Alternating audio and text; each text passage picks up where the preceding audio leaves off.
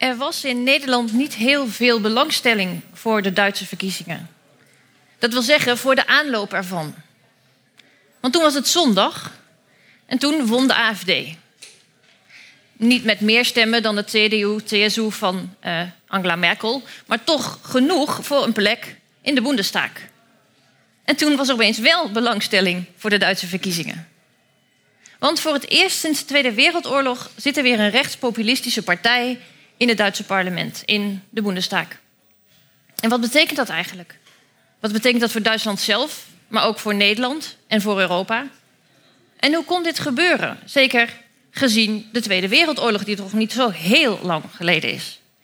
Daarover ga ik zo dadelijk in gesprek met historicus Wim van Meurs en politicoloog André Zaslov. Maar allereerst is zo dadelijk het woord aan Peter van der Heijden voor weer een onvolprezen column. Mijn naam is Lisbeth Jansen, ik ben programmamaker bij Radboud Reflect en ik wens u een hele fijne middagpauze. Peter.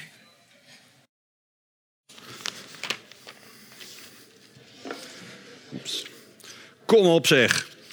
Dat is natuurlijk pure uitlokking om mij te vragen vandaag een column te houden over Duitsers. Ik moet zeggen dat ik nog even getwijfeld heb of ik het wel zou doen. Want ik loop niet graag in mijn eigen mes. Maar vooruit, waarom ook niet? Als een soort van bijsluiter wil ik wel alvast vermelden dat ik een paar weken geleden nogal wat tijd heb doorgebracht tussen onze oosterburen. Op Mallorca. De daar aanwezige Duitsers geven doorgaans een nogal, laat ik maar zeggen, speciaal beeld van dat volkje. De gemiddelde Duitser daar is, ik weet niet zo goed wat het Duitse woord ervoor is, maar ik vermoed gewoon, omdat Duitsers natuurlijk altijd weer een ander geslacht geven aan woorden dan wij Nederlanders doen, das tokkie. En daar dan een paar duizend van. Stuk voor stuk zwaar getatoeëerd, in kennelijke, wat heet, overkennelijke staat, foute uh, ballermanslagers zingend, al is dat een pleonasme. Dat u een beetje een beeld heeft. Daar voel ik me dus thuis moet ik tot mijn schande bekennen. Ik kom er al jaren achter elkaar. Dus van mij geen kwaad woord over de Duitser en al helemaal niet over zijn voorliefde voor de democratie. Natuurlijk, ze hebben een wat lastig verleden. Twee keer tweede geworden bij een wereldoorlog, toch een knappe prestatie. Maar sinds 1945 is het een keurig land. Al gaan ze nog wel wat lastig om met dat lastige verleden. Zo maakte ik nog niet zo heel lang geleden een paar grappen tegen keurig progressieve Duitse vrienden. Het waren niet eens mijn eigen grappen, maar die van Hans Theeuwen als hij Schindlers List recenseert. Ze hebben het wel altijd over de Joden, maar die Duitsers waren ook geen lievertjes. En vooral die van Freek de Jonge als hij spreekt over een amateurvoorstelling van het achterhuis van Anne Frank. Die was zo slecht, zegt Freek de Jonge, dat toen de Duitsers opkwamen, de hele zaal riep: Ze zit op zolder, ze zit op zolder. Geen lachje komt eraf bij die Duitsers. Hun geschiedenis is pijnlijk. Te pijnlijk blijkbaar om, over, eh, om er grappen over te kunnen maken. En mijn opmerking dat wij Nederlanders er wel om konden lachen omdat wij niet begonnen waren met de oorlog, maakte het niet veel beter, vrees ik. Maar het is zelfs te pijnlijk om over de grappen te kunnen grinniken. Te pijnlijk ook om in het heden onder ogen te kunnen zien. Want dat rechtspopulisme, dat zou in Duitsland echt niet meer kunnen. Dat was de gedachte in Duitsland. Rechtspopulisme, dat was wat eh, voor de rest van Europa. Duitsland had geleerd van zijn geschiedenis. Nooit meer fascisme. Sinds zondag weten we wel beter. Met een AFD die een procentje of 13 haalde, schaart Duitsland zich bij de rest van Europa. Al lijkt het Duitse rechtspopulisme wel net een beetje ranziger dan het onze. Hier zou denk ik niemand het in zijn bol halen om te beweren dat Duitsland best trots mag zijn op de militaire prestaties in twee wereldoorlogen, alsof het de wereldkampioenschappen voetbal betreft. Ik herhaal het nog maar eens, twee keer verliezend finalist. Hè? De AFD heeft onmiskenbaar neonazistische trekjes, die we bij andere rechtspopulistische partijen, op het Front Nationaal na misschien, niet zo open terugzien. Maar ja, zo erg is dat toch ook weer niet, dat neonazisme. Daar zitten volgens Trump, erfopvolger van Franklin Roosevelt... die de nazi's in 45 verjoeg... toch vooral ook zeer fatsoenlijke en nette mensen tussen. Dat ze foute dingen zeggen en willen... en ze nu en dan met de rechterarm gestrekt staan, zwaar. Alles beter dan die sons of bitches die knielen voor het volkslied. Dank u wel.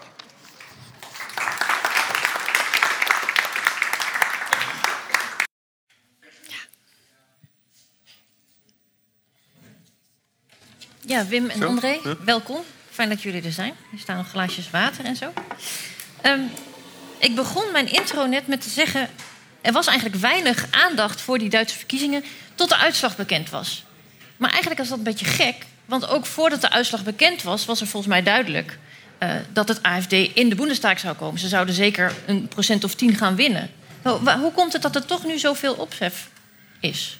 Uh, ik denk om, om twee redenen. Dat het in die range waar men de AFD verwachtte, ergens tussen 8% en, en misschien 13%, dat ze inderdaad helemaal bovenin uh, geëindigd zijn. En uh, tegelijk zie je dat de grote volkspartijen nog een keer uh, de SPD flink, het CDU, CSU heel erg flink, of beter gezegd CSU nog erger.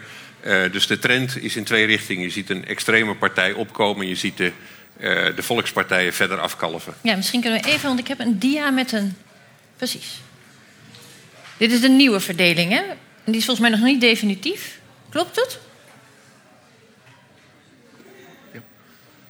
Zal wel ongeveer kloppen. wel ongeveer kloppen, ja. ja. En dat, als, je dus, dus als je naar de CDU kijkt, of naar de SPD, dan hebben die in vergelijking met vier jaar geleden een stuk minder. Vijf of zes procent verloren en de ja. CDU. Um, ik geloof 10%. En CSU in Bayern, in Bayern is, de, uh, is het eh, West-Duitse bondesland waar uh, de AFD het meest gewonnen heeft. Ja. Maar goed, als men had gedacht dat de AFD toch percentueel zou gaan winnen, dan is het natuurlijk logisch dat de andere partijen gaan verliezen. Nou ja, de, de, vraag is altijd in hoeverre zijn het, zijn het nieuwe kiezers... Hè, die andere jaren niet zouden stemmen... die nu naar de AFD gaan. Mm -hmm. Um, maar nu is toch wel duidelijker dan uit de enquêtes van tevoren kwam... Uh, vooral gebleken dat uh, Angela Merkel verloren heeft. Ja. 10% is, is heel veel. Ja. En, en hebben, hebben jullie enig idee waar dat aan ligt? Hoe kan het dat Angela Merkel, die toch eigenlijk lange tijd beschouwd werd... als de rots in de Europese branding... dat zij opeens zoveel nou. stemmen verloren Ja, nou ik, ik zou het eigenlijk, um, dus hij heeft wel, wat was het, 8% um, verloren. Maar eigenlijk, um, ik zou het een beetje anders kijken. Ik, ik, ik denk eigenlijk dat het opvallend is dat zij heeft niet meer verloren. Oh ja? En ik, ik vind het eigenlijk opvallend dat ze nog, nou, zij blijft nog de grootste partij. En ik denk dat ze, zij, en, en, en, en, en zij doet het, als, je, als, je, als je naar, nou misschien Nederland met Rutte is, is, niet een vergelijking, maar als je naar Europa kijkt en je, en je, en je ziet hoe moeilijk het is voor incumbents um, ja, terug te komen of te, blij, in, in, in, in de, te, te, blijven, ik vind het eigenlijk opvallend hoe goed zij deed. Je had verwacht ja. dat ze nog meer stemmen zou verliezen? Nou, niet eigenlijk, maar um, daarom, je, je begon met um, waarom was er niet meer aandacht aan het begin. Ik denk mm -hmm. dat, nou, ik ben het eens met Lubach. Dat was eigenlijk heel saai. Ja, en dat, dat, ja, dat, um, dat, um, ja, omdat het, was verwacht dat, dat, dat zij zou zo ongeveer krijgen. En dat, um, dat het, ja, maar ik vind het nog opvallend dat, dat zij, het is wel gelukt. Wat ik interessant vind, of misschien interessanter, is dat, dat, dat, dat Schulz en de SPD niet beter deden. Hoewel aan het einde was het geen verrassing. Maar ik bedoel meer in de afgelopen maanden. Ja. Dat zij, ja, dat was eigenlijk voor mij was meer. Ik vind het interessant omdat het, het, het, het, het, het maakt, het, het maakt um, de situatie voor Merkel. Ja, okay, over de SPD kunnen we ja, dadelijk nog ja, even hebben. Ik wil eigenlijk ook graag even van Wim eh, weten of jij inderdaad ook uh, had verwacht dat, dat Merkel nog meer zou verliezen. Uh, nou, er zit wel een belangrijk punt. Hè. Er wordt vaak nu van degene uit het rechtspopulistische kamp gezegd... Van, kijk, wij vertegenwoordigen het volk, het Duitse volk ja. wil dit niet meer. Eh, ik zag het daarnet op het beeldscherm ook langskomen. Maar als je zegt, de verkiezingen gingen gewoon om de vraag... meer vluchtelingen, ja of nee. Steunen we het vluchtelingenbeleid ja, van is Angela dat, Merkel. Denk je echt dat dat was... Ja de enige centrale ja, vraag. Ja, als okay. het punten waar het dan niet saai was, dan ging het daarover. Ja, ja. En op dat punt moet je dan toch zeggen: de, de Groenen, de SPD, de Linken, het CDU zijn allemaal partijen die met soms kleine of grotere kanttekeningen het beleid van Angela Merkel steunen. Dus er is gewoon een meerderheid van de Duitsers die dat beleid, waar ze heel duidelijk positie heeft gekozen, uh, blijft steunen. Terwijl ze toch eigenlijk in de loop van de tijd al veel strenger geworden is. Want ze begon natuurlijk heel ruimhartig van weer Schaffendas, laat ze maar komen. Maar onder druk van, nou ja, onder andere de bevolking, denk ik, uh, is ze daar al op teruggekomen. Maar dus nog niet genoeg. Nou, niet, Als niet. thema, nee. Nee, het is, het is anders dan in Nederland, waar je ziet echt een politisering. Maar het is, het is opvallend hoe, hoe, ja, maar jij woont in Duits, Duitsland, maar mijn, mijn gevoel is het, was, het is opvallend hoe het eigenlijk geen thema was. Ja, ja. Hoe het geen thema was. Ja, immigratie. In de, in de, maar het was een. Um, nou, ik zeg geen thema. Ik bedoelde nou, natuurlijk met de AFD. Maar als wat je zegt, het is opvallend. Je hebt de FDP, de SPD, de C, CDU en, en die linken. En die zijn allemaal min of meer pro. En dan heb je wel, ja, je hebt de CSU en de, F, en de, en de AFD. Maar die zijn, als je kijkt naar de bevolking, het is opvallend hoeveel. Ja, ja. maar inderdaad, je zegt, die zijn allemaal pro. Maar als je het vergelijkt met, nou, laten we zeggen, 20 jaar geleden, zijn ze natuurlijk allemaal tegen. Dus er is al in de loop der tijd een hele grote. Uh, Hoe bedoel je tegen, tegen, tegen? Nou ja, dat zeg maar, we zien nu de, CDU en de SPD als, als uh, ja. uh, voor, voor meer vluchtelingen of iets ja, dergelijks. Tegen, Terwijl als je het vergelijkt met hoe diezelfde partijen 20 jaar geleden ten opzichte van immigratie stonden. Ja, maar dat, dat is natuurlijk een hele andere. Uh, dat waren destijds was dat een, een kwestie van uh, een beperkt aantal vluchtelingen van de Balkan. Nu hebben we het over een miljoen uh, vluchtelingen in een jaar. Dus dat een partij daar dan anders in staat en, en dat er ook wel een discussie gevoerd moet worden. Hoe kun je dit managen? hoeveel kunnen we er managen? dat is natuurlijk een heel ander verhaal. Ja, en vind je terecht dat ze daar strekker in geworden zijn? Ja, het is niet eens per se uh, strenger, maar er moet, moet bijvoorbeeld meer geld in geïnvesteerd worden. Er moet meer gekeken worden naar integratie. Dat, dat is een, simpelweg een ander verhaal. Ja.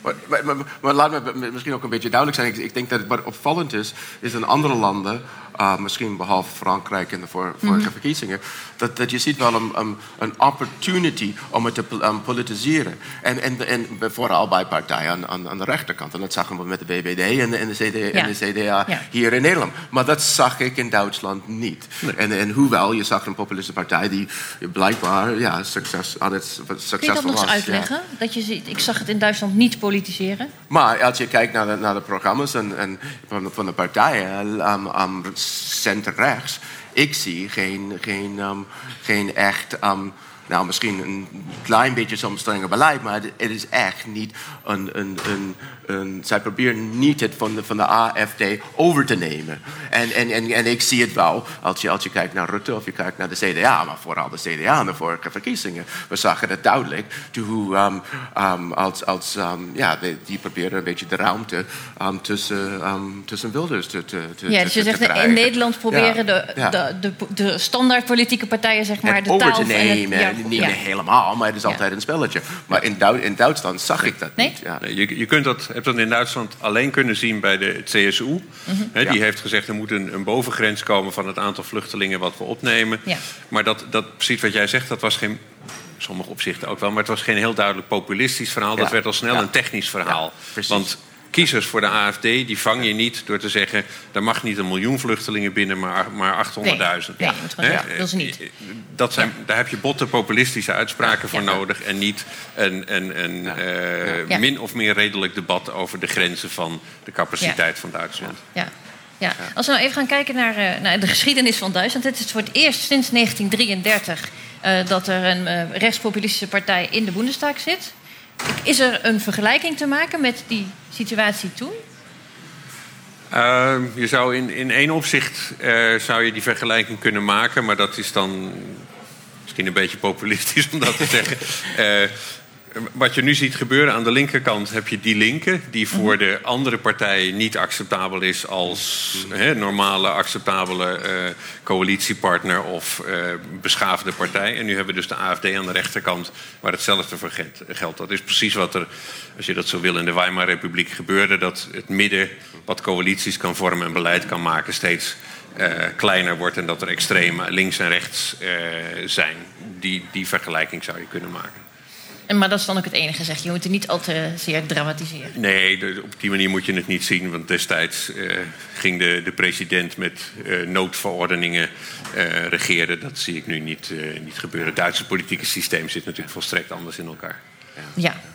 Ja, ja zie je dat hetzelfde? Het, het eens, het eens. En ik vind, ik vind eigenlijk... Um, ja, het is, um, het is um, ja, het eens. En ook um, qua de partij zelf. Ik, ik, ik denk dat het, het, het partij, nou, die hebben wel problemen. En de vraag is, gaan ze overleven? Dat is nog een De vraag. AFD, ja, dat- daar komen we daar nog op Maar ik denk Ja. dat, kijk, wat, wat, wat gebeurt is eigenlijk, het is een normalisering van Duitsland, denk ik. In de, in de zin dat, ja, nou, al lang was het on- in Europa, we zien wel een populistische partij. En Duitsland was altijd de uitzondering. En het is, we- zien dat over in, in, heel Europa er zijn scheidslijnen ehm, die wel maken het mogelijk voor een, voor een populistische partij. Ja. En, en nu uiteindelijk zien we wel in Duitsland dat er wel een populistische partij. Dus ik zou, ik zou naar de rest van Europa kijken en niet terug naar de jaren 20 om, het- om het te verklaren. Om het te vergelijken. Ja, te vergelijken precies. of Ja, verklaren. ja, ja, ja. Want inderdaad, je zou kunnen zeggen... nou, het is 70 jaar geleden dat, Ja. dat de Tweede Wereldoorlog was. Sindsdien hebben de Duitsers voor een, een lange tijd... vrij politiek correct eh, gestemd. Ja. Zou je dat zo mogen zeggen? Eh, ja, dat kun je zeggen. Maar er zit, het belangrijkste wat erachter zit, is ook dat het Duitse politieke systeem er helemaal op ingericht is om te zorgen dat de kiezer eh, vooral politiek correct stemt en dat het politieke systeem stabiel blijft. En hoe doen ze dat dan? Maar met bijvoorbeeld de 5% De kiesdrempel. regel. hè. Ja. Je moet 5% van de stemmen halen eh, voordat je überhaupt in het parlement komt. Eh, dat werkt natuurlijk kleine partijen zoals in Nederland eh, tegen. De, de, de positie van de, van de bondskanselier is sterker. Als je, als je kijkt hoe, hoe weinig bondskanseliers Duitsland gehad heeft sinds de oorlog. Ehm, ja, Angela Merkel die gaat nu 16 Ja. jaar regeren. Helmut. Kohl heeft Ja. 16 jaar geregeerd. Adenauer iets vergelijkbaars. Ja. Dat betekent dus ook dat het, het systeem heel sterk en stabiel is, maar met, ook met het risico dat nieuwe geluiden niet zo makkelijk gehoord worden. Ja. En Ja. daardoor misschien juist sterker worden? Nou, ik vind, ik vind ik, ik- misschien wel, maar ik vind wel een punt, of een interessant punt, is, is als, als we iets over de Tweede Wereldoorlog willen zeggen. Ik denk dat wat eigenlijk interessant is, is hoe er is wel een heel cultuur ontwikkeld waar er echt een cordon sanitaire te- tegen zulke partijen blijft.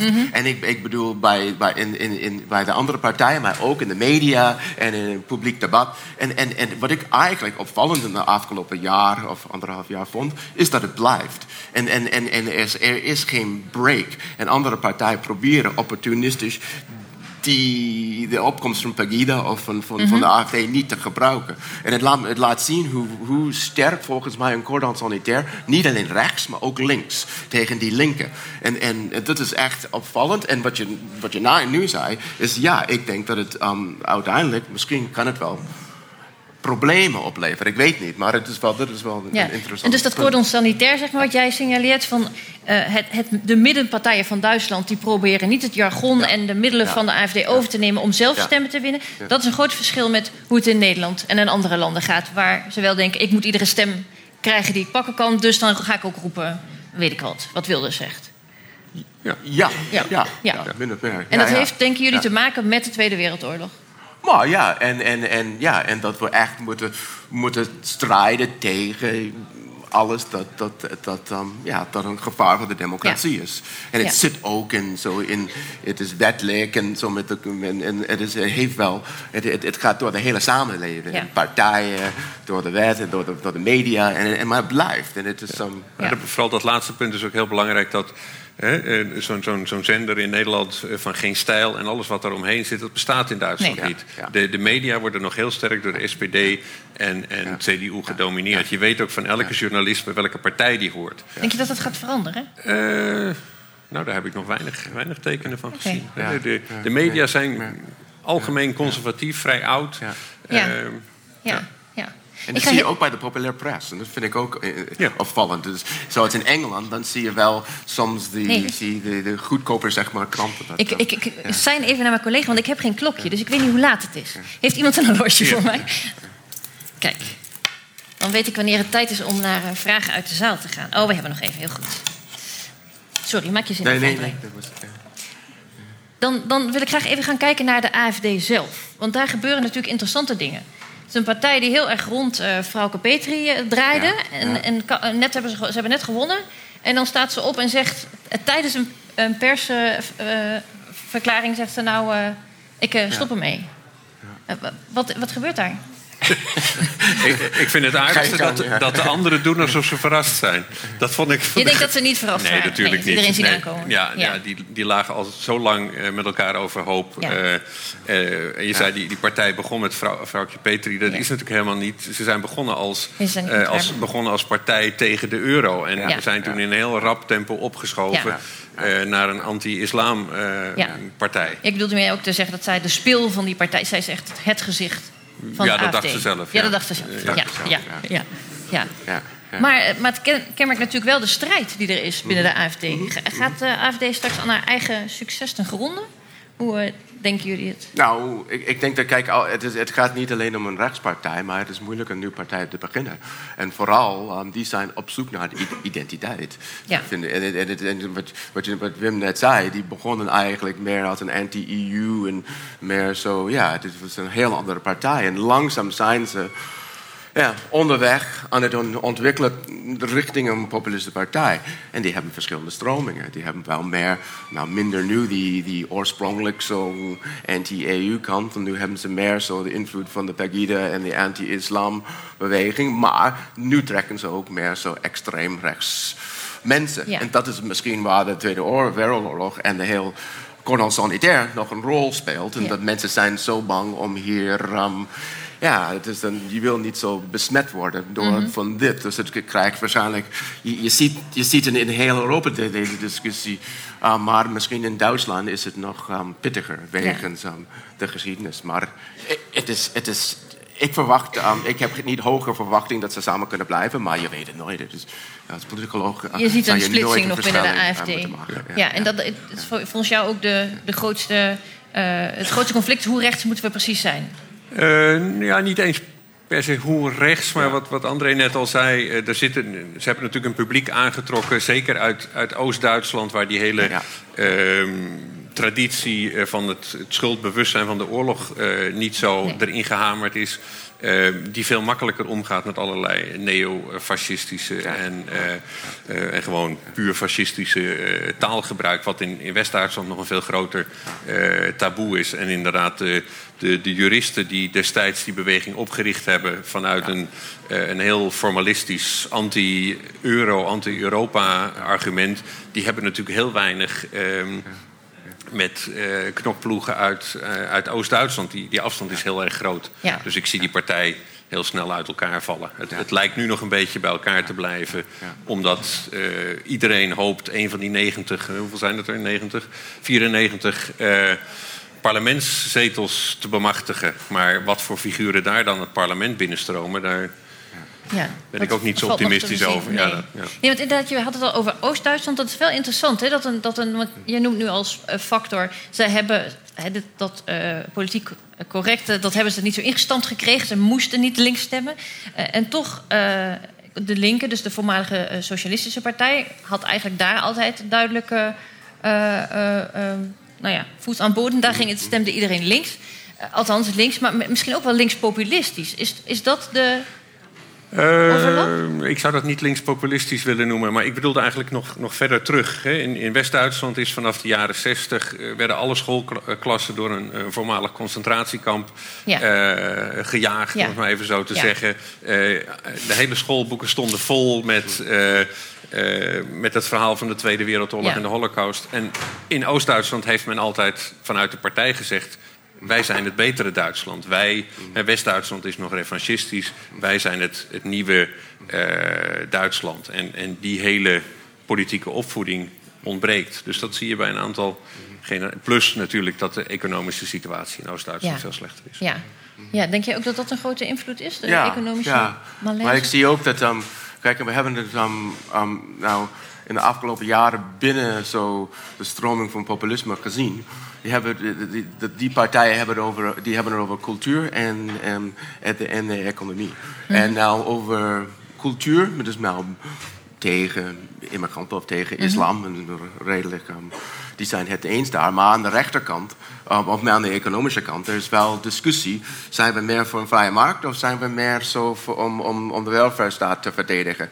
En ik zie binnen de partij, en soms de, de, de laatste wordt aan een, aan een anti-immigrant um, boodschap um, um, gekoppeld, zeg maar. Maar ik zie dat binnen de partij, je hebt die verschillende stromingen. En in, in, in, in de andere partijen in Europa, dat is wel een beetje zo opgelost. opgelost. Maar ik zie dat de AFD, is wel, omdat die hebben een andere zo begin, denk ik dat die, er zijn zoveel stromingen. En daarom bedoel ik, die zijn echt... Het gaat om wat is hun ideologie en wat is hun identiteit. En ik denk dat, dat er is een verschil van mening daar. En ik, ik zie niet dat het in de komende maanden wordt opgelost. Ja, ja. Nee, en, ja. en, dan als je in de regering bent, dan, dan komt nog andere druk. En dus het wordt nog moeilijker om een identiteit, identiteit te, te, te, ja, te vormen, zeg maar. Ja. Zie je dat ook als voornaamste doel of missie voor het AFD om de komende tijd een, hun identiteit echt vorm te geven? Als, voor zover je ervan kan spreken dat de partij nog zo eensgezind is dat ze samen één doel hebben. Dat, uh, Nee, jullie zien allebei twee partijen het, is ontstaan, Ja, ja, je ziet twee partijen bestaan, maar het, is natuurlijk ook heel beschamend als een partijvoorzitter de dag na de verkiezingen zegt: Ik heb een, heb een, uh, een direct mandaat gekregen van de kiezers in dat district. Uh, dat mandaat neem ik mee. Eerst nog zegt: Ik zou eigenlijk wel voorzitter van de partij willen blijven, maar ik wil niet in de fractie zitten. Ja, het is heel moeilijk om je daar iets... Ja, behalve dan gewoon winstbejag uh, iets bij voor te stellen. Ja. Maar ik denk ook als je naar de kiezers kijkt... In ik, ik, zag wel... Um, in, in Duitsland, er was veel mensen die hebben tegen de andere partij gestemd. Maar wat je in andere landen ziet, bijvoorbeeld in Frankrijk, zijn mensen die echt voor de Front Nationaal stemmen. Het is niet alleen tegen. Dus het is, we moeten een beetje zo long term kijken. Of die, en dat bedoel ik ook aan identiteit. Het is een identiteit voor de partij, maar ook dat er is echt een identification zeg maar, met, met, de, met de partij. En in Duitsland, dat zie ik eigenlijk niet. Het is meer een tegen Merkel of tegen andere Ja, AFD is echt een, tegen, een tegenstem. Zodra er iets beters komt, is de AFD ook weer verdwenen. Ja, of zodra de, de, de AFD inderdaad in, in splintergroeperingen gaat uit, uiteenvallen en dus geen, geen uniform beeld naar buiten meer uitdraagt, denk ik dat de, het imago heel snel verloren is. Ja. Ja. En vrouw Petri, houdt hij een zetel eigenlijk? In Nederland is het natuurlijk zo dat als je uit je partij stapt, als je partij al genoeg zetels heeft gekregen, dan kun jij een eenmansfractie ja. starten. Is dat in Duitsland ook zo? Oh, zij blijft gewoon in de Bundestag. Oké. Dus het was een slim spelletje van. Ja. Ja. Goed weten we dat ook weer. Gaan we nog even naar Europa. Je hebt het er al een paar keer over gehad, André. Ja, wat, wat moeten we ervan denken? Hoeveel uh, onrust gaat dit teweeg brengen misschien, deze, deze uitslag? En dan bedoel je Europa in de zin van de Europese Unie of andere Europese landen? Nou, laten we daar eens mee beginnen. Met de Europese Unie. Uh, nou, met de Europese Unie uh, is het natuurlijk wel uh, een punt dat Angela Merkel verzwakt is. Maar er zal veel, wat Europa betreft, veel afhangen van de coalitie die er nu gevormd mhm. wordt. En um, ik heb ook altijd het, toch wel het gevoel gehad. Hè, Angela Merkel wordt heel veel geprezen voor haar Europapolitiek. Um, en de invloed die ze daaruit uitoefent. Ik denk dat dat voor een heel groot deel puur aan de positie van bondskanselier van Duitsland uh, hangt. Um, niet zozeer de, de beleidskeuzes die zij daarin... Heb je, omdat het een groot, machtig land ja, is. En, en een land wat altijd veel waarde hecht aan Europa... dus daarin behoorlijk investeert. Uh, wat dat betreft, zelfs... Het zal niet gebeuren, maar zelfs als er een andere bondskanselier zou komen... zou dat voor Europa nou niet zo meteen zo heel veel uitmaken. Ja. Oké, dat zie je ook zo. Ja, dat zie ik ook zo. Ik denk eigenlijk... Um, ja, de enige wat, wat, wat zou kunnen gebeuren als er een andere soort van coalitie zou komen. Misschien is er ja, ik weet niet, misschien is, is, de, is de combinatie um, um, Macron. Um, Merkel minder, niet zo sterk of zoiets, maar ik zie, ik zie geen um, grote verandering nee, nee. qua beleid in Europa. Nee, ik ben het nee. eens. Ja. Nee. Ja, misschien is het ook nog aardig om even te zeggen dat het. Ik vind het opvallend dat je uh, zowel in uh, Nederland als in Frankrijk bijvoorbeeld. Uh, zijn, hebben veel mensen rechts gestemd, populistisch rechts. Uh, maar Le Pen heeft niet gewonnen, Wilders heeft ook niet gewonnen. Dat wil zeggen, ze zijn nu niet actief aan de macht. Maar ze hebben natuurlijk heel veel stemmen gewonnen. Maar daar ben ik oneens eigenlijk. Eh, eigenlijk. Ik, ik denk dat we hebben het nu over hoeveel mensen rechts stemmen, maar Mhm. dat zie ik eigenlijk niet. Ik zie het eigenlijk, we hebben het over 13 procent. En in Nederland was het ook tijdens de verkiezingen. Het was, we hebben het over 13 procent. Maar dat veel meer dan een paar jaar geleden. Ja, maar het is, ik, kijk, ik, ik, ik vind het. ehm, ja, eh, eh, kijk, het, het is. Het is ehm, hoeveel mensen stemmen niet voor een populistische partij? Ik denk dat er is wel een invloed, zeker. Vooral in Nederland. Maar ik denk dat het is... ehm, het is ehm, ja, we hebben het altijd over... ehm, en ik wil niet zeggen dat ze niet belangrijk zijn. Die zijn super belangrijk. Maar het is, kijk, ik, ik zie in, in, de media altijd de strijd tegen populisme. En je, je ziet het altijd, we hebben tegen populisme gewonnen. Oh, deze keer zijn we verloren. Het, het is zo dus up and down. Maar eh, eh, ik zie, kijk, ik, ik zie in de komende jaren, het blijft zo 13, 12 procent mensen die mogelijk voor een populistische partij kunnen stemmen. Het gaat niet weg.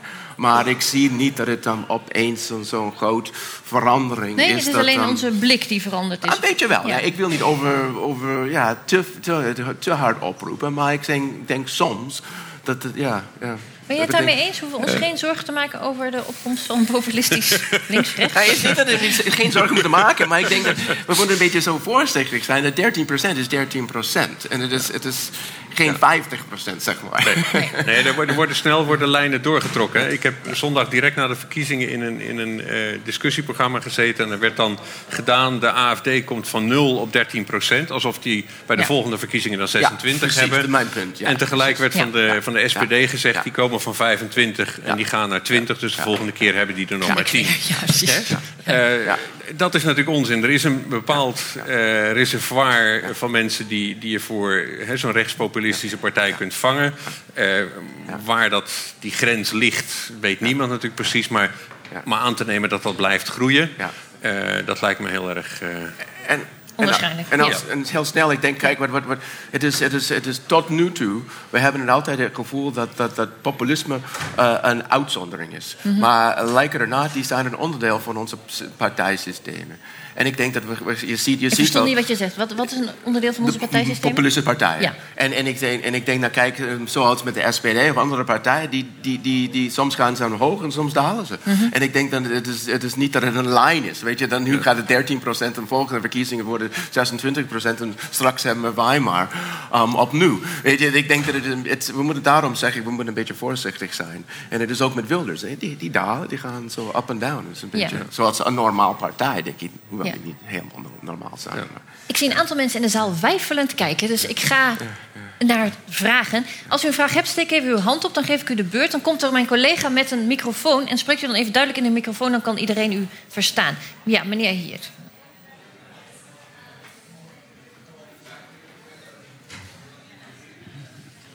Eh, In eh, nogal wat eh, commentaren werd erop gewezen dat de AFD toch een substantieel aantal kiezers heeft getrokken vanwege de groeiende kloof tussen arm en rijk. Daar hebt u verder helemaal niet over gesproken. Kennelijk een probleem dat de SPD niet voldoende heeft opgepikt. Ja. Ja. Ja, nou, dat vind ik eigenlijk. ehm, ik vind ehm, eigenlijk. ehm, wat ik interessant vind, is dat, dat in Nederland, maar ook in, in Duitsland, dat links geen winst hier kan maken. En dat, dat je ziet eigenlijk dat, dat, dat, dat het gaat om zo ehm, linkspartijen zoals de SPD of die Linken, maar ook die Groenen.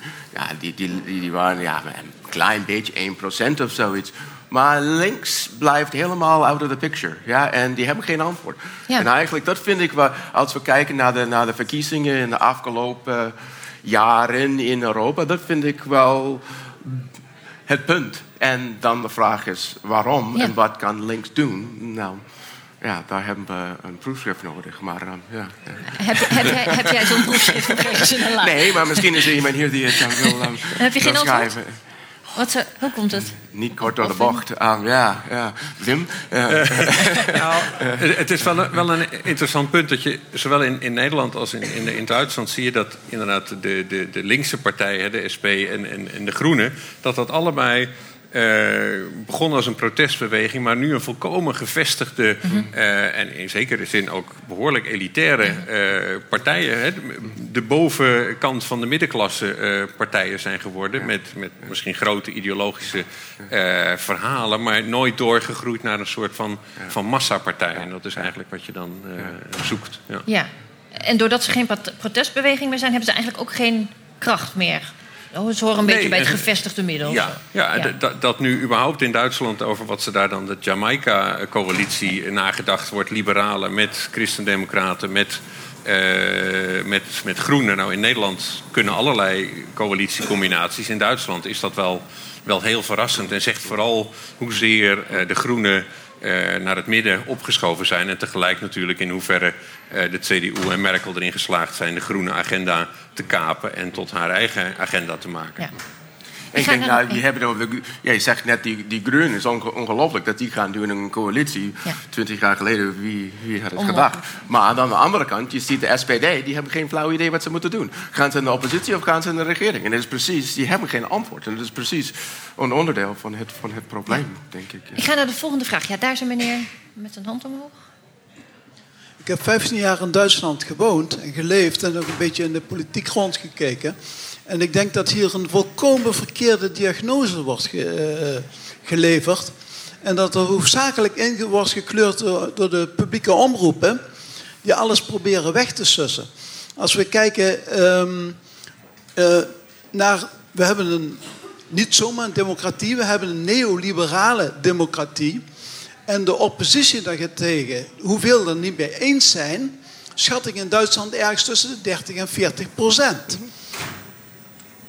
U knikt nou, maar waarom komt dat niet op de agenda? Omdat die openbare uh, uh, omroepen in Duitsland, uh, er wordt ook wel gezegd, daar moet je dan eh, voor betalen. GEZ, gleichgeschaltete Einheitscensur, dat systematisch alles weg wordt gefilterd wat onaangenaam is voor het nieuwe liberale heersende elite. Okay, dank u wel. En, de rol van de media. Wie wil daarop? Ja, ik, ik, ik weet niet. Ja, Wim wil iets over de media zeggen. En de rol van die 40% Maar ik weet niet, ik weet niet waarom u zegt de media. Ik denk het gaat ook om de partijen. Ja, de SPD, die hebben ook geen antwoord gehad. Ja, die, die, die proberen met Hartz IV um, zo'n zo Tony Blair-lijn um, te trekken. En ja, het... Ja. Wat zeg oh ja, laten we nu niet... De discussie kan misschien nog achteraf, ja. want dan uh, kan niemand het verstaan. Nou. Ja. Eerst naar de wende in 1990 waar miljoenen in de werkloosheid kwamen. Daarna de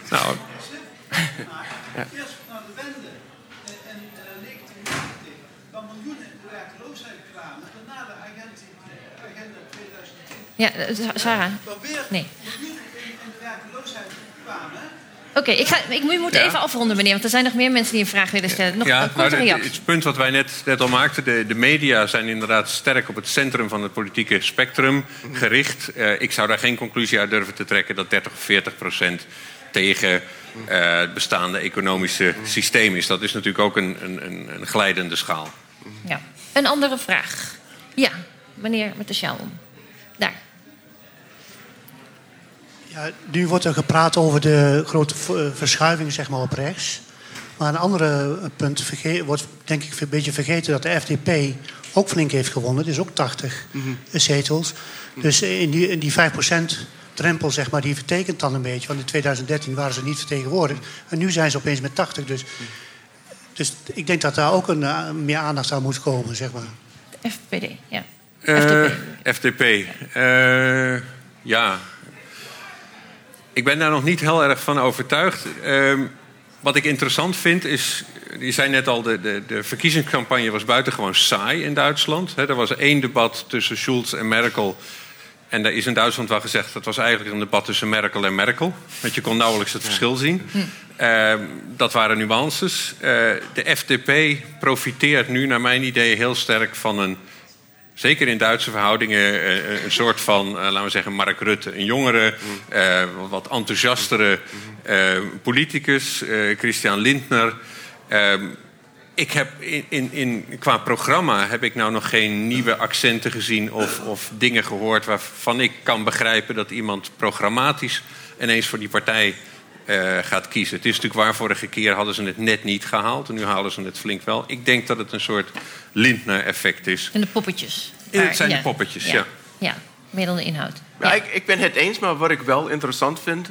is dat, dat, dat, dat Merkel nu aan de rechterkant... zij heeft wel concurrentie qua cultuur rechts van, van de AFD... en misschien een beetje economisch rechts ook. Dus zij, Merkel speelt altijd naar de medium voter.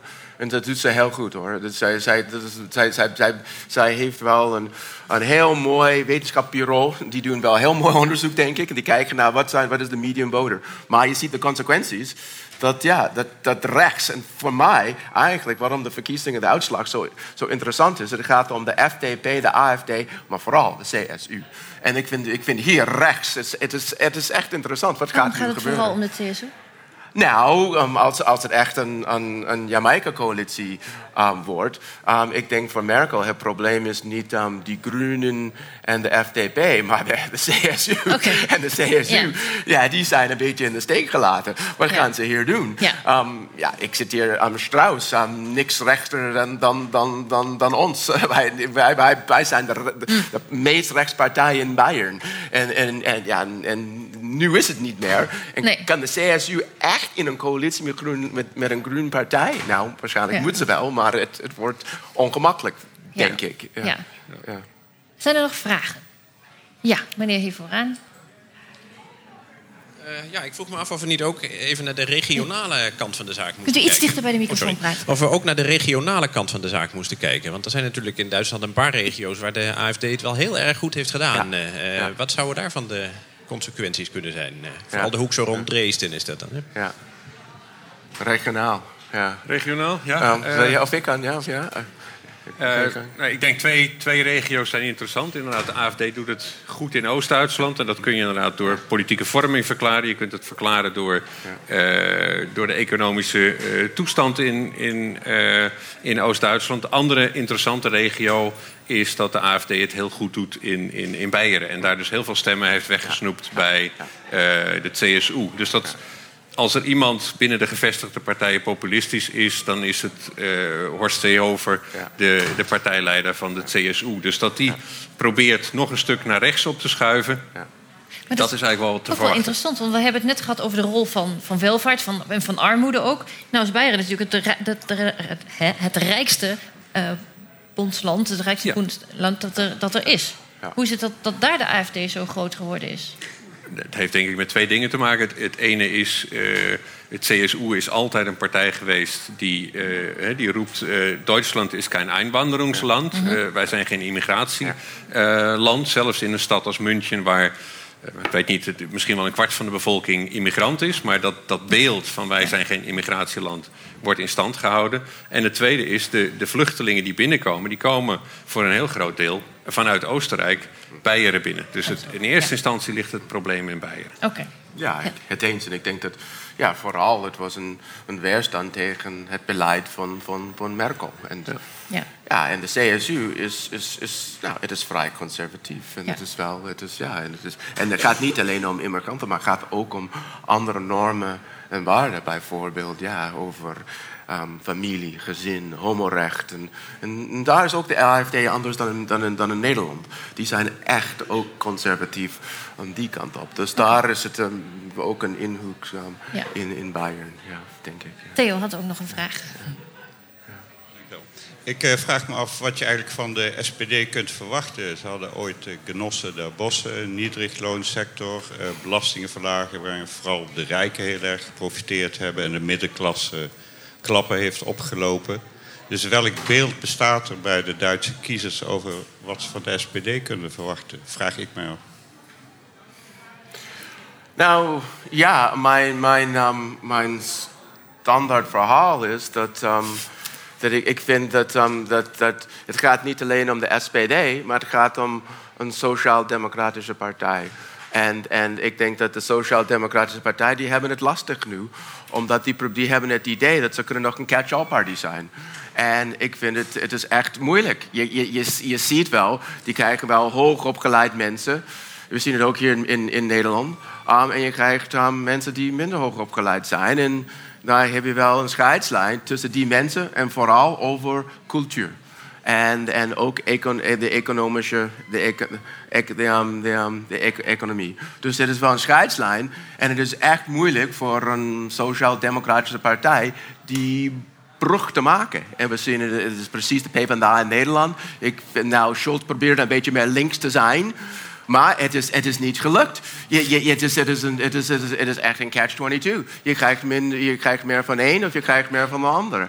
Eh, en ik denk dat de, de, de tijd van een catch-all linkspartij is um, ja, jammer genoeg, maar het is over. Vind Zie je ik, dat ja. ook zo? Eh, ja, ik denk dat dat inderdaad wel het, het, het beeld is in heel Europa, dus ook in Duitsland. Eh, wat ik wel vanochtend op de radio hoorde, was dat de, de SPD een flink aantal nieuwe leden heeft gekregen de Ja. afgelopen dagen. Vanuit mensen die zeggen: nee, als de AFD zo groot wordt, Dan ga ik toch weer terug naar de Ja. SPD. En andere mensen die argumenteren: als de SPD zo klein wordt, dat kan ook weer niet. Dan, ga ik terug, dan word ik weer partijlid. Oh, zo. Ja, ja, oké. Maar dat zal Ja. de, de, de trend niet omdraaien. Nee. En misschien is Duitsland daar anders, hoewel het geen meer twee-partijsysteem is. Het heeft nog een logica van een meer een twee-partijsysteem. En in Nederland zien we dat anders. Het is meer versplinterd Ja. in Nederland. Dus, ja. Ik heb nog tijd voor één laatste hele korte vraag met een heel kort antwoord. Wie? Ja? Nog een keer? Ja? Eh, hoe zit het eigenlijk met de jongeren? Want ik heb begrepen dat eh, de AFD onder jongeren niet zoveel eh, winst heeft gehaald. Verschil tussen jongere en oudere kiezers? Ja. AFD? Ja. Ja. jongeren en ouderen. Ja, het is, um, ja, die hebben ook veel niet-stemmers gekregen. Of veel mensen voor de, die hebben voor de eerste keer gestemd. Dus um, En die stemmen AFD? Blijkbaar meer dan, ja, maar Ja, weet dat- je, heb je meer... Ik heb niet zoveel... Nee, maar um, dat, dat is niet wat ik, wat ik gezien heb. Oh Dat ja? is zeker niet de trend dat, dat jongeren voor de AFD stemmen. Het zijn juist, zeker in Oost-Duitsland, de oudere kiezers. Oké, Eh, oké. Oké. Dat wist ik niet. Oké. Goed. Het is half twee. Het is tijd voor colleges en andere eh, activiteiten. Wim van Meurs, André Sasloff, heel erg bedankt voor jullie bijdrage aan dit actualiteitencollege. En natuurlijk ook aan Peter van der Heijden. Fijn dat jullie er waren, voor jullie aandacht en het stellen van vragen. Een verslag van dit actualiteitencollege en foto's verschijnen binnenkort op onze website. Dus kijk daar gerust even. Fijne middag nog.